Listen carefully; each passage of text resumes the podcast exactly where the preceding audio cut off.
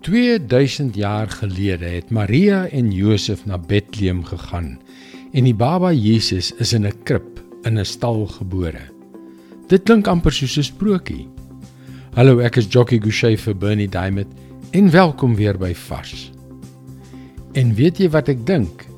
Ek dink dit is presies hoe die duiwel wil hê ons die Kersverhaal moet sien. Ons moet dit van 'n lekker veilige afstand as 'n mite 'n fabel, 'n sprokie beskou. Want as hy ons kan kry om dit te doen, sal ons die hele doel mis. En as ons die hele doel van Jesus se koms na hierdie aarde mis, dan is dit verby met ons. Dan wen die duiwel.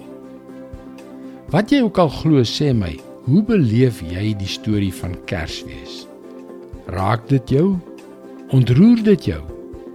Of is jy so vertrou daarmee dat dit alledaags ver amper onwerklik geword het. Die realiteit van daardie eerste Kersfees is 'n netelige een, 'n moeilike een. Lukas 2 vers 5 en 6. Maria, sy verloofde wat swanger was, het saamgegaan om ingeskryf te word. Terwyl hulle daar was, het die tyd gekom dat haar kind gebore moes word. Maria was buite-egtelik swanger. Die feit dat sy deur die Heilige Gees bevrug is, was tog ondenkbaar. Josef moes sekerlik verskillende pynlike emosies daaroor ervaar het. Of hy nou die engel geglo het wat hom die waarheid vertel het of nie. Hulle het daar lank van Nasaret na Bethlehem gereis vir die baba Jesus om in plaasdiere se voerbak gebore te word. Daar is geen sprokies element hier nie. Net die werklikheid van God se liefde, sy liefde vir jou. Hy het sy seun vir jou na hierdie wêreld gestuur om jou van jou sonde te red, om jou die gratis gawe van die ewige lewe te kom gee.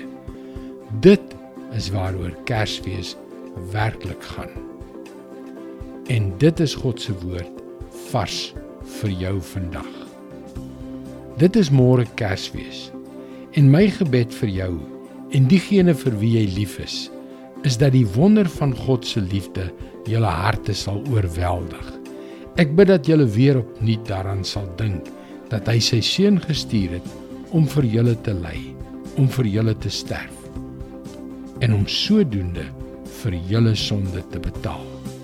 Maar my vriend, hy het uit die dood opgestaan om julle 'n nuwe lewe 'n ewige lewe te gee.